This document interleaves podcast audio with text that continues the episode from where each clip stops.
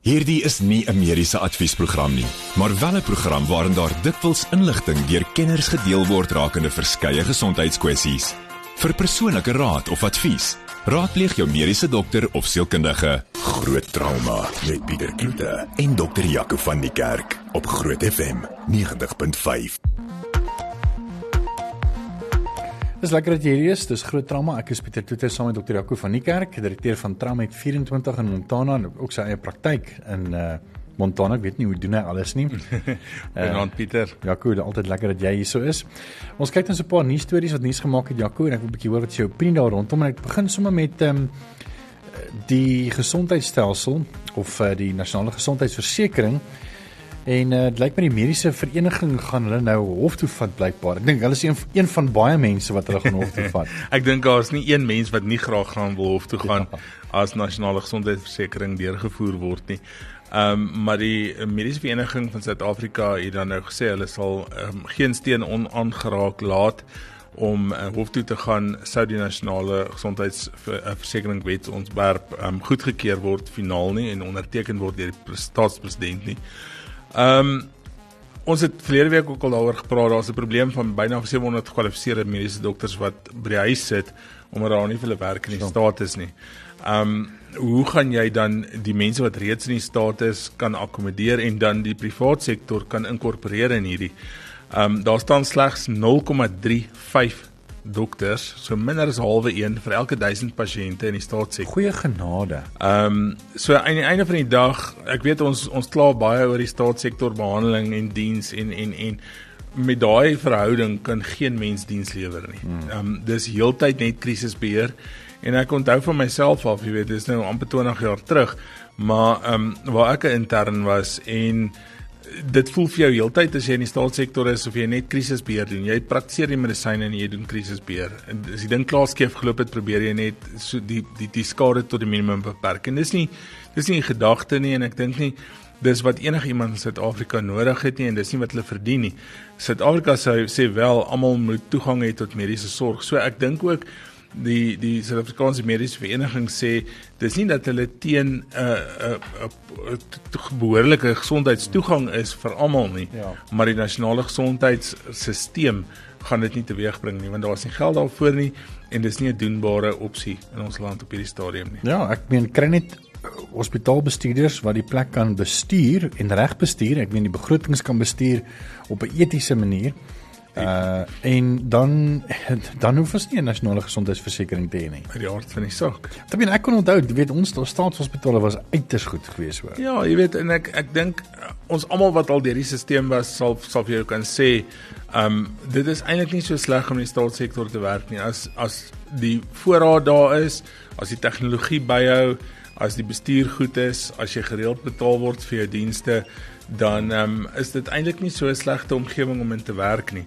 Maar weens wanbestuur, daar's nooit iets nie. Ek kan onthou van 2, 3 maande wat ek in Tembisa gesit het sonder bloedbuisies. Nou hoe hoe jy weet jy kan nie bloed trek op iemand nie. Hoe um hardloop jy 'n interne geneeskunde saal sonder om bloedtoetse te doen? Um en dit maak mense moedeloos en negatief en aan die einde van die dag, dis hoekom die mense um regtig waar privaat sektor toe stroom hmm. en glad nie in die staatssektor wil bly nie. Ehm um, en en wat my pla van hierdie 700 dokters wat by die huis sit is, hulle gaan nie vir die ewig by die huis sit nie.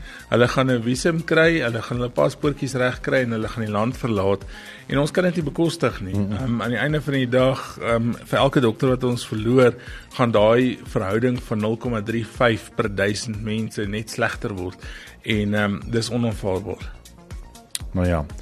Net nou ons gou gesels oor uh, die onsekerheid oor nuwe etiese reëls vir dokters. Wie mag hulle aanstel en die meer? En ons gaan ook 'n bietjie kyk na ehm um, dit was al ook 'n uh, opgedrama gewees, 'n voet 'n voetvrou hier in die ooste wat nou al weer haar dienste lewer. Bring skakel daarvoor. Groot trauma op Groot FM 90.5. Ons kyk nog dan so 'n paar nuus stories wat nuus gemaak het en ek hoor 'n bietjie wat is dokter Jaco van die kerk se opinie daar rondom. Jaco, daar's lyk my onsekerheid oor die nuwe etiese reëls vir dokters. Wie mag hulle aanstel? Ja, Pieter, is eintlik 'n baie verwarrende storie op hierdie stadium. Um voor 17 November 2023, wanneer daar nou 'n nuwe stel reëls in die um staatskoerant gepubliseer is, kon entiteite soos hospitaalgroepe nie dokters fisies aanstel as werknemers in kliniese hoedanigheid nie. Ehm um, alle dokters is dan onafhanklik gepraktiseer of selfstandig gepraktiseer.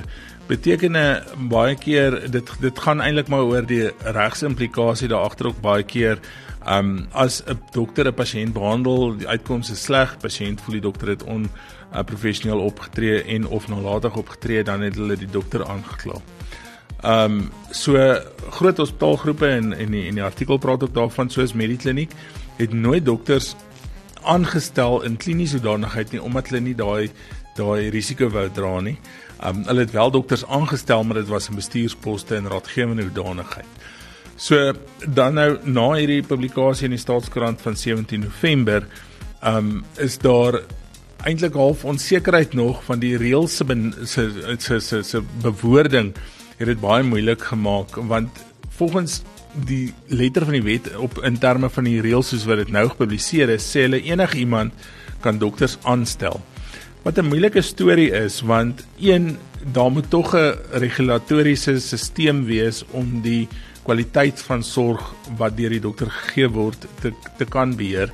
En hoe gaan jy dit doen as enige iemand of enige entiteit of enige maatskappy, enige iemand nou maatskappy stig kan 'n dokter aanstel en sê ek gaan kliniese ehm um, dienste lewer? Wat eintlik 'n skuiwergat maak vir 'n groot klomp um groot klomp probleme. Um die die ding is ons is ook verbied om in die verlede 'n multidissiplinêre praktyk in onder een praktyk te laat hardloop. So ek kan nie as sê ek is 'n algemene praktisyn en 'n algemene chirurg en 'n ortopeed en 'n ginekoloog werk in dieselfde um praktyk en ek sien 'n pasiënt, dan gaan ek net na my ginekoloog of net na my ortoped of net na daai ou te stuur. En dis oneties want dan beteken dit jy vat eintlik die autonomiteit van die van die pasiënt weg. Die pasiënt nog steeds 'n keuse hê. En jy gaan eintlik bevooroordeeld wees teenoor hoe jy gaan verwys en jy gaan dalk te maklik verwys. Goed wat jy self kan hanteer, gaan jy dalk dan nou eerder stuur en dan gaan jy mos nou twee keer geld maak. So dis oneties dink ek. Ehm um, en op op op die vorige reël en stelreëls het dit gebeur dat ehm um, dit onmoontlik was om meer as een spesialiteit in een praktyk te hê wat regtig waar 'n groot gaping skep vir vir baie onetiese praktyke wat kan uh, plaasvind. Ek sê nie dit gaan nie, maar dit kan definitief wees. Die ander ding is as jy nou 'n dokter wil aan met die nuwe stelreëls wat deur 'n entiteit aangestel is wil aankla van sê onetiese gedrag of of nalatigheid, wie gaan jy dagvaar? Wie gaan aanspreeklikheid aanvaar? Gaan dit die maatskappy wees, gaan dit die dokter en sy entiteit wees, gaan dit beide wees? Hoe gaan dit werk? En daai goeders word baie de mekaar gemaak deur die nuwe stelreëls. En ehm um, daar's baie soos ek sê skuiwergate wat wat regtig waar ehm um, 'n groot probleem kan skep. Nou ons besef hoekom hulle dit doen. Hulle doen dit sodat die nasionale gesondheidsversekering kan in inkom want wat basies dan gebeur is dan kan hulle die privaat praktisyns as onafhanklike kontrakteurs aanstel om dan dienste te lewer vir die staat. Die vraag is wil jy as 'n onafhanklike kontrakteur aangestel word? Maar dis die enigste manier hoe hulle gaan kan dwing dat 'n dokter in privaat praktyk ehm um, deel word van nasionale gesondheid. En ek gaan nou nie ewe skielik my handjie opsteek as hulle vra wie wil kom kom help in Kalafong môre aand nie. Maar as hulle jou as 'n onafhanklike kontrakteur aangestel het, hulle betaal jou salaris, kan hulle eintlik vir jou sê waar om te gaan werk. Hmm. En ek dink dit is die die in in Suid-Afrikaanse Mediese Vereniging sê ook dis al wat hulle kan dink hoekom hierdie reël verander word is om daai oorgang makliker te maak want anders gaan hulle glad nie die privaat praktisyns kan inkorporeer in nasionale gesondheid en dit is 'n groot krisis dink ek ook want ek weet nie hoe eties dit is regtig nie. Ehm um, so ja, ek dink daar's nog baie kritiek wat gaan gaan kom uit hierdie nuwe stel reëls uit. Ek dink baie hospitaalgroepe is dalk bly want hulle dink hulle gaan iemand kry wat ehm um, vir 'n salaris gaan werk vir die hospitaalgroep, maar ek dink dit is nie noodwendig dat dit net ten voordeel is van die groep nie. Ek dink dit kan definitief baie medies geregtelike implikasies inhou wat ek dink ons nog nie eens aan gedink het nie hmm. wat die toekoms ons sal leer. Maar ek dink die gedagte agter die groot storie is dat nasionale gesondheidsversekering is op die voorgrond en hulle wil privaat praktisyns inkorporeer in hierdie stelsel. Ai, wat 'n disaster. Maar dit beteken dit ook dat as byvoorbeeld 'n dokter nou byvoorbeeld ehm um, saam met 'n vriend van hom 'n maatskappy stig hierdie maatskappy is actually die, die maatskappy wat aan die diens lewer en die dokter maak droog, dan kan die pasiënt aan die maatskappy dag dag vaar en uh, as hulle dan sal verloor dan likwideer hulle die maatskappy. Dokter verloor nie sy lisensie nie want Precies die maatskappy is gelikwideer uh, of of gedagvaar nie die dokter nie. Presies dit. So dis dis 'n baie moeilike ding en ek dink is presies wat jy sê. Ehm um, aan die einde van die dag dink ek ja, ek dink geen dokter staan op in die oggend en besluit ek gaan kyk hoeveel skade ek kan berokken vandag nie. Dis nie hoekom jy gaan studeer het nie, dis hoekom jy so baie tyd van jou lewe spandeer om ander mense te help nie. Ehm um, ek dink nie dis jou primêre doel nie, maar jy bly 'n mens, jy kan foute maak, jy kan jy kan ehm um, van nalatigheid aanspreeklik gehou word en op hierdie stadium is dit nog so dat dit baie maklik is om 'n dokter te te dag vir ehm um, nie dat ek altyd ten ten gunste is daarvan nie, maar daar's baie keer belaglikhede waaroor hofsaake vir jare aan aangaan. Hmm. Maar ehm um, dit is so, dis 'n skuiwergat vir vir mense om net nog moeiliker ehm um, regtig waar ek wil amper sê kompensasie te kry vir skade wat dalk aangerig kon geword het. Hmm. En ek dink dit gaan 'n groot invloed hê op die industrie van versekerings ook van praktyke en praktisyns individueel um in terme van van regsanspreeklikheid as daar sulke tipe van van goed gaan plaasvind. Ons net nou weer terug en ons gesels bietjie oor um dermatologie en jou belangrikheid van hoekom jy jou vel moet beskerm teen die son. Met die volgende program bo Groot FM 90.5 om jou as luisteraar met die nodige inligting oor 'n spesifieke onderwerp te voorsien. Alhoewel hierdie inligting dikwels deur 'n kenner op die gebied gedeel word, word jy aangemoedig om jou mediese dokter of sielkundige te besoek vir persoonlike advies of raad. Groot trauma met Pieter Kloete en dokter Jaco van die Kerk op Groot FM 90.5. Welkom terug. Dit is lekker dat jy hier so is. Ons gesels 'n bietjie oor jou vel en die belangrikheid dat jy jou vel moet beskerm teen die son. En uh, ons gaan 'n bietjie gesels uh, later met Karen Bester. Sy's 'n uh, gekwalifiseerde verpleegster en uh, sy het ook 'n hele paar ander rolle wat sy doen onder andere mediese opleier en die meer by Lamel Pharmaceuticals. Karen, ek gaan verslang vir jou hallo sê. Hallo. En dit is lekker dat jy hier is. Ek gaan nou weer wees met 'n vraag of twee. Ek wil sommer vir Jaco, ehm um, dokter Jaco van die kerk wat hier by ons is, sommer vra om met die inkoopslag ook sommer vir ons te sê wat is hierdie ehm um, ding wat vir jou kan velkanker gee. Jaco, wat is AK? Pieter, ek dink AK kan mens maar net ehm um, is die afkorting vir aktiniese keratose. En aktiniese keratose word soms ook um, genoem solare keratose of seniele keratose. En dis hierdie velletseltjies wat mense kry wat so half growwerig voel, um velverdikking gee wat selfs kan afskil vir party mense krap dit af. Dis daai klassieke ding wat jy in die praktyk sien.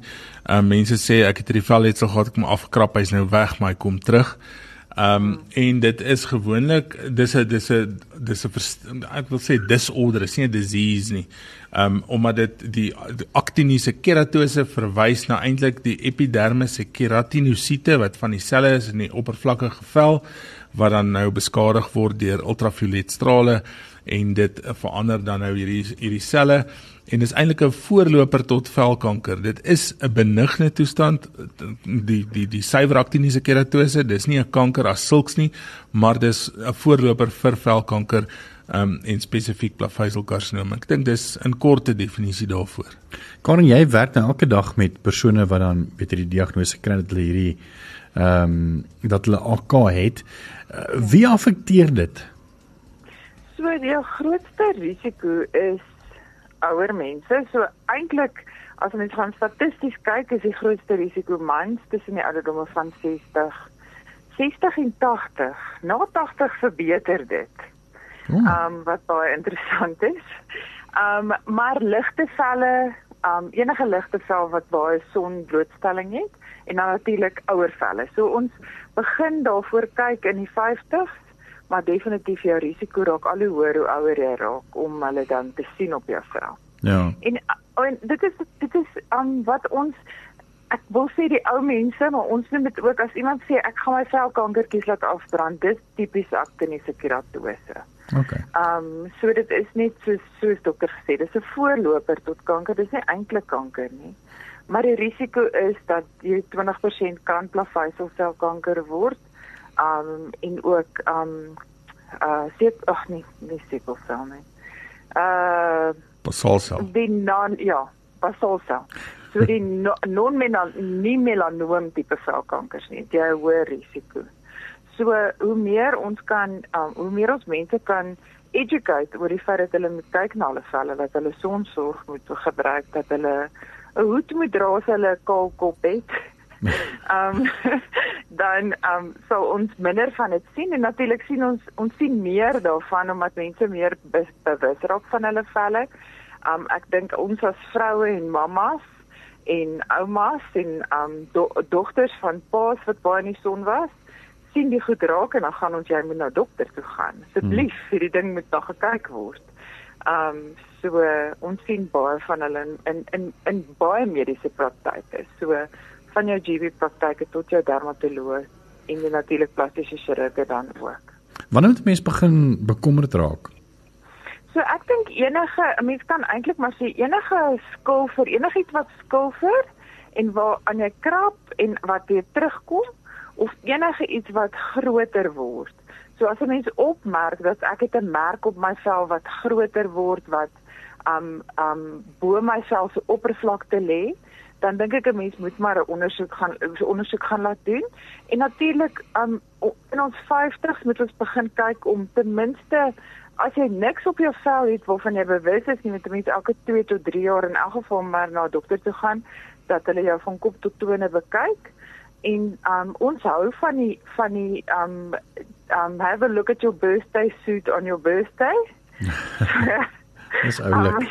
Um, Wie weet dit beteken dat jy elke jaar van voor tot agter na jou vel kyk en kyk of daar iets is wat vir jou wat wat uitstaan, wat nie hmm. daar was voorheen nie. Maar as jy opmerk dat jy 'n merkie het wat verlede week of verlede maand was hy nie daar nie en hy um groei en hy verander dan moet 'n mens definitief dokter toe gaan daarmee. So wat is die volgende stap? Wat wat gebeur as mense nou so iets op jou vel sien? Ek meen ek neem so, 'n dokter toe gaan, nee dit hang af wat jou um so 'n mens mens um, meeste van ons meeste GP's, ons algemene praktisyns sal kyk na um na letseltjies en hulle sal dan vir mense 'n goeie idee gee of jy moet aan verwys word na 'n dermatoloog of 'n plastiese chirurg. Um um as 'n mens begin dermatoloog toe gaan, dan gaan 'n mens sal nie luister na die dermatoloog. Dermatoloog sal vir jou sê, ek wil jou oor 'n jaar of oor 2 jaar of oor 3 jaar sien. Um, hulle sal dan afhangend van hoe die letsel lyk, sal hulle dit of vir jou 'n roompie gee wat jy gaan aansit of hulle mag dit dalk afbrand. Um of hulle mag dalk 'n laserbehandeling doen of hulle mag jou verwys na 'n dokter toe, 'n plastiese chirurg toe dat hulle dit uitsny en dan 'n biopsie doen. Sure. En as hulle dink dit is nodig dat 'n biopsie is, dan het hulle natuurlik die verdere stappe afhangend van wat hulle dan vind in die biopsie. Um So ja, dit hang regtig af van hoe die letsel lyk. So net om saam te vat, dit lyk vir my wat jy sê is is, is dat mense moet na jou vel kyk. Ehm um, uh -huh. en jy moet elke jaar soos wat jy nou maar weet um, ek dink ek en Jaco het ook nou baie oor gepraat. Dit is belangrik, weet mense moet weet hulle hulle vat hulle karre in vir dienste elke 15000 ja. km maar hulle wil self nie na dokter toe vat uh net om weer bietjie te gediens te word en en te kyk wat wat aangaan. Ek meen jy moet ja. ten minste een keer 'n jaar by dokter uitkom net om seker te maak alles is nog reg en op hulle plek ja. en en die meer. En dan is daar weet as mens byvoorbeeld by dermatoloog uitkom, dan is daar goedjies wat mens kan gebruik, iets nou gesê het weet room of hulle kan dit uitbrand en ons verskeie ander moontlikhede om hierdie goeders te doen. So ek het ook ja, wat ons wat ons ook baie meer werk is meer voorkomend so aan um, die Australiërs is is baie meer um gefokus op sonbeskerming en hulle het 'n hele klomp hulle het 'n paar studies gedoen. Hulle noem dit on-track trials. Waar hulle gaan kyk na Vitamiene B en hoe ons wanneer ons Vitamiene B drink in hoë dosisse dat ons dan die um eikhuis verlaag, maar ook die vir um die verandering van eikhuis in no, nie melanoomkankers kan voorkom. Hmm. So daar's ook supplemente wat 'n mens kan gebruik om dit te help. En as jy by 'n dokter of dermatoloog kom, sal hulle dit jou waarskynlik vir jou voorskrif saam met jou behandel. Hmm. En vir al jou mense wat baie hoë risiko is, um jou um boere, ingenieurs, mense wat elke dag buitekant is, um mense wat golf speel, sport, um buitekant hulle het 'n hoë risiko en en um, so ons ons weet al hoe meer en meer wat ons kan doen om dit dan ook te voorkom um en om uh, die, die kanker ook dan te voorkom. So, dankie maar, vir soos jy nie soos jy nie begin gesê, sien jou dokter. Dis Karen Bester en sy's 'n uh, gekwalifiseerde verpleegster en sy het ook nou al baie plekke in die multidissiplinêre spanne gewerk onder andere trauma en uh, die meer en uh, sy is ook nou 'n mediese opleier by Lamel Pharmaceuticals. Hoorie Karen, baie dankie vir jou tyd en dankie ook vir jou wysheid en raad en insig. Dankie, baie dankie vir die geleentheid. Jy moet 'n lekker aand hê.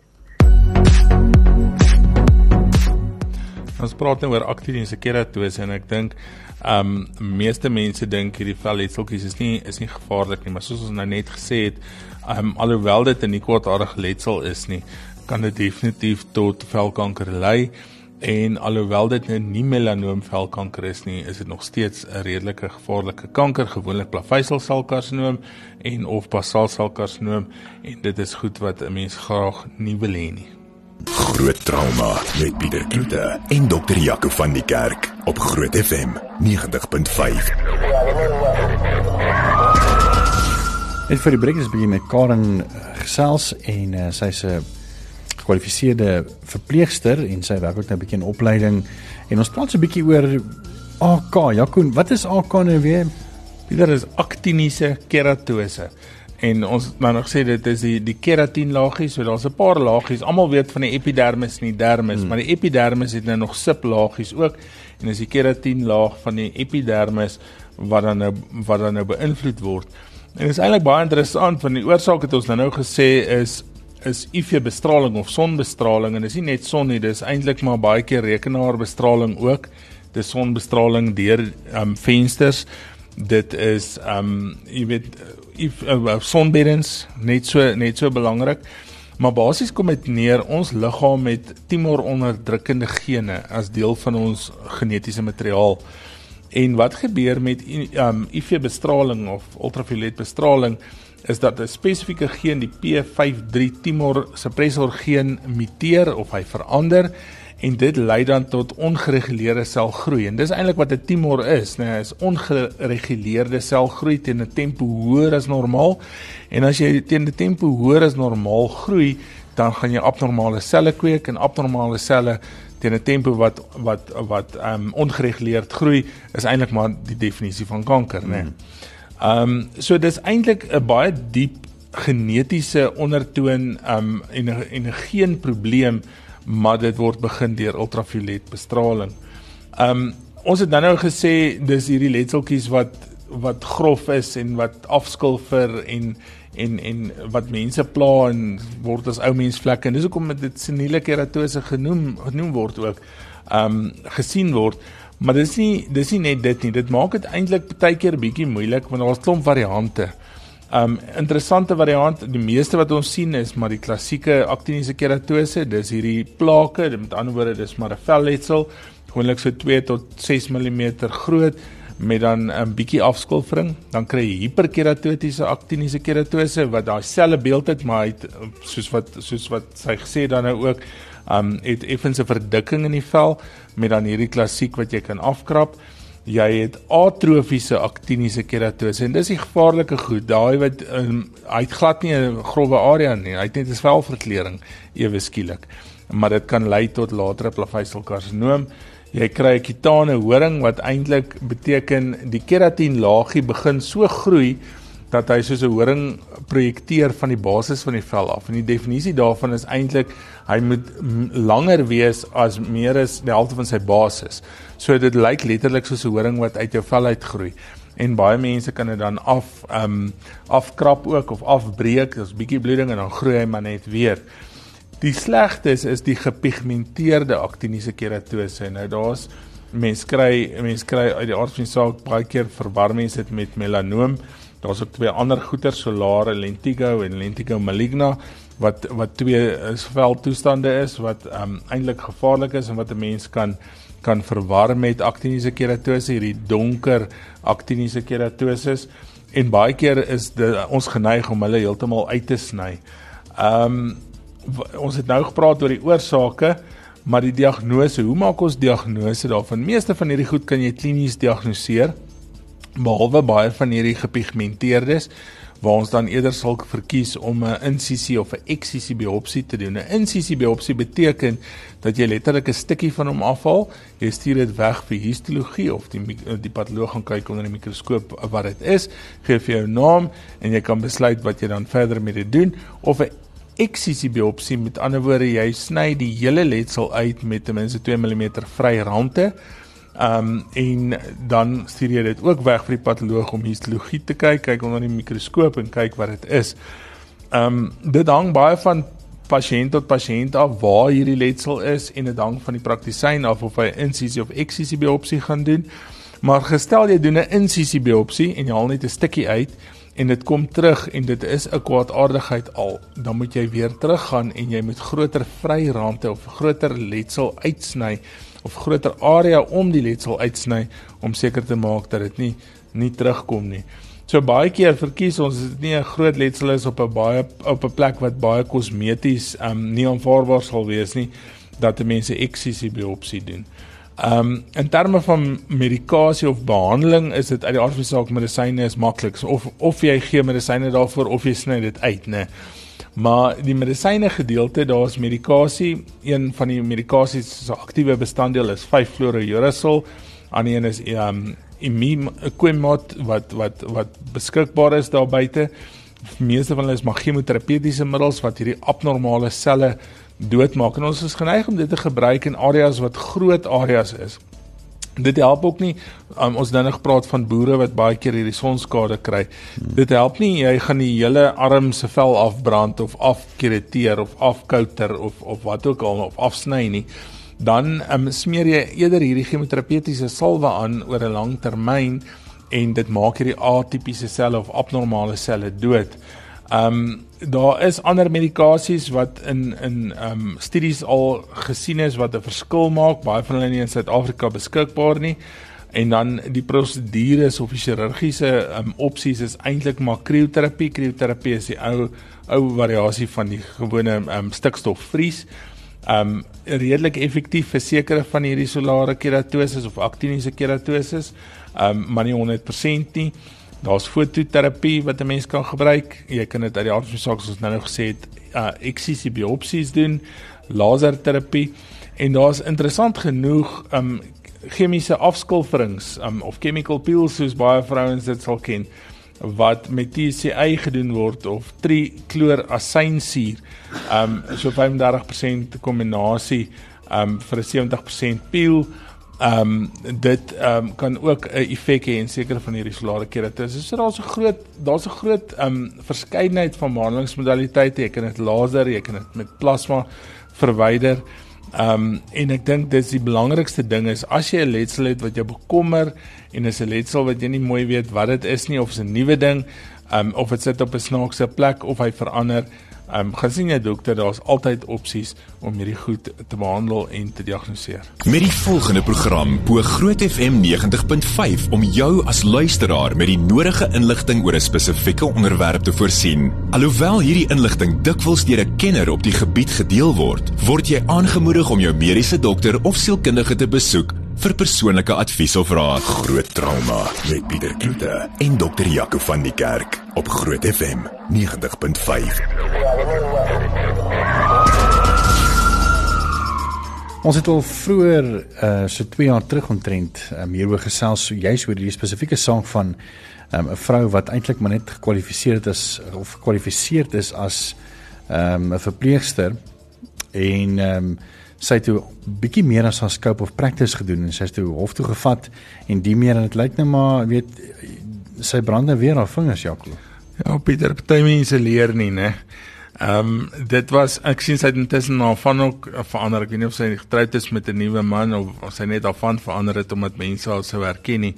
Maar ons het ons het redelik ekstensief al daaroor gepraat Jolanda op daai stadium Marits wat nou Forsie is wat dan nou ehm um, as vroedvrou opgetree het en um tuisbevallings gedoen het, maar sy het haar eie induksies gedoen en sy het dan in die moeilikheid begin beland en niemand wou haar mee help hier in die Pretoria area nie want sy het altyd hierdie vrouens dan op die einde van die dag as sy in die moeilikheid is na die naaste hospitaal en ginekoloog toe gestuur en dan net drie kinders skade opgetel. Ehm um, en sy is dan nou vervolg en die Suid-Afrikaanse Raad vir Verpleegkundige het dan ehm um, haar gederegistreer. Sy mag glad nie enigsins by enige instansie werk nie is hy mag geen swangerskap sonaars behartig nie.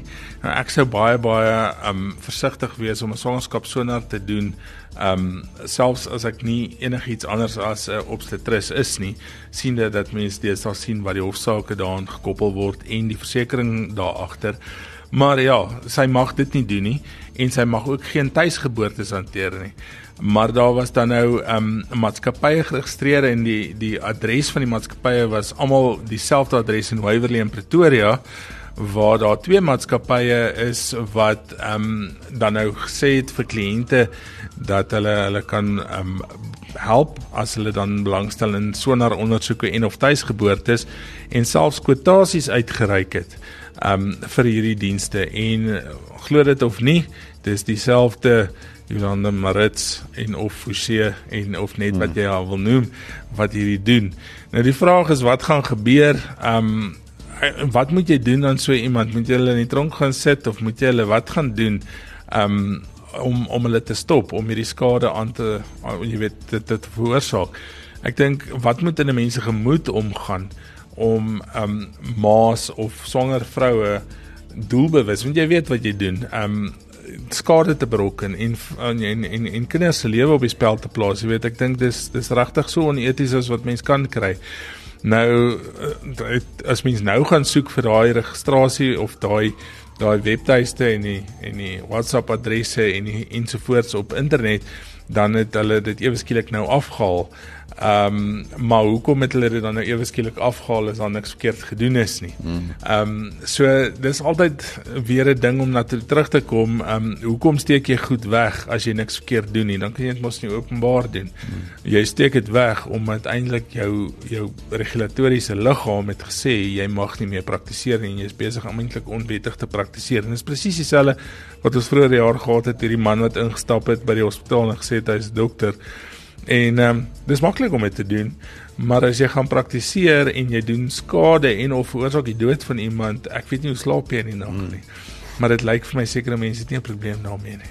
Jaco en 30 sekondes. As iemand swanger is en hulle wil graag kyk na 'n vroedvrou, waar begin jy? En hoe kies jy? Jy moet jy vra vir almal se kwalifikasies. Pieter, ek gaan vir jou in kort sê en ek het ek het niks teen vroedvroue nie. Ek dink ehm um, as 'n mens uh, uh, geswat enige plek medisyne, dan sal jy leer dat meeste bevallings gaan sonder enige insident. En dan kan jy net sowel self ook by die huis doen. Dis hoe die die voortrekker tannies dit gedoen het, dis hoe vrouens dit doen. Hoekom moet jy 'n ginekoloog hê? Selfs net op bystand. Jy kan 'n vroedvrou kry, maar sy moet in samewerking met 'n ginekoloog werk. En daar's baie ginekoloë wat in samewerking met hulle werk, want daar's uitstekende vroedvroue daar buite. Ehm um, maar jy moet 'n ginekoloog op op op ehm um, back backup of op bystand hê. Want 'n ginekoloog is een van daai goed jy hoop jy het kry hom nooit nodig nie. En as jy hom nodig kry, moet jy weet hy kan dit hanteer. Dis soos hmm. versekerings. Jy het versekerings op jou jou voertuig en jou huis en jy hoop jy gaan dit nooit nodig kry nie. Maar as jy dit nodig kry, wil jy dit moet daar wees. En ehm um, ek dink jy moet letterlik 'n vroedvrou kry as jy dit ehm um, besluit op wat definitief met 'n geregistreerde en 'n 'n gerespekteerde ginekoloog geassosieer word. Ja, toe. So backward jam, dis dokter Okke van die kerk. Hy sê hy het praktyk in Montana, ook uh, direkteur van Tram 24 by Montana Hospitaal. Ons is volgende week weer terug en hooplik gaan ons 'n bietjie gesels oor genade dood en bietjie so 'n bietjie van 'n debat daaroor hou. So bly gerus ingeskakel daarvoor.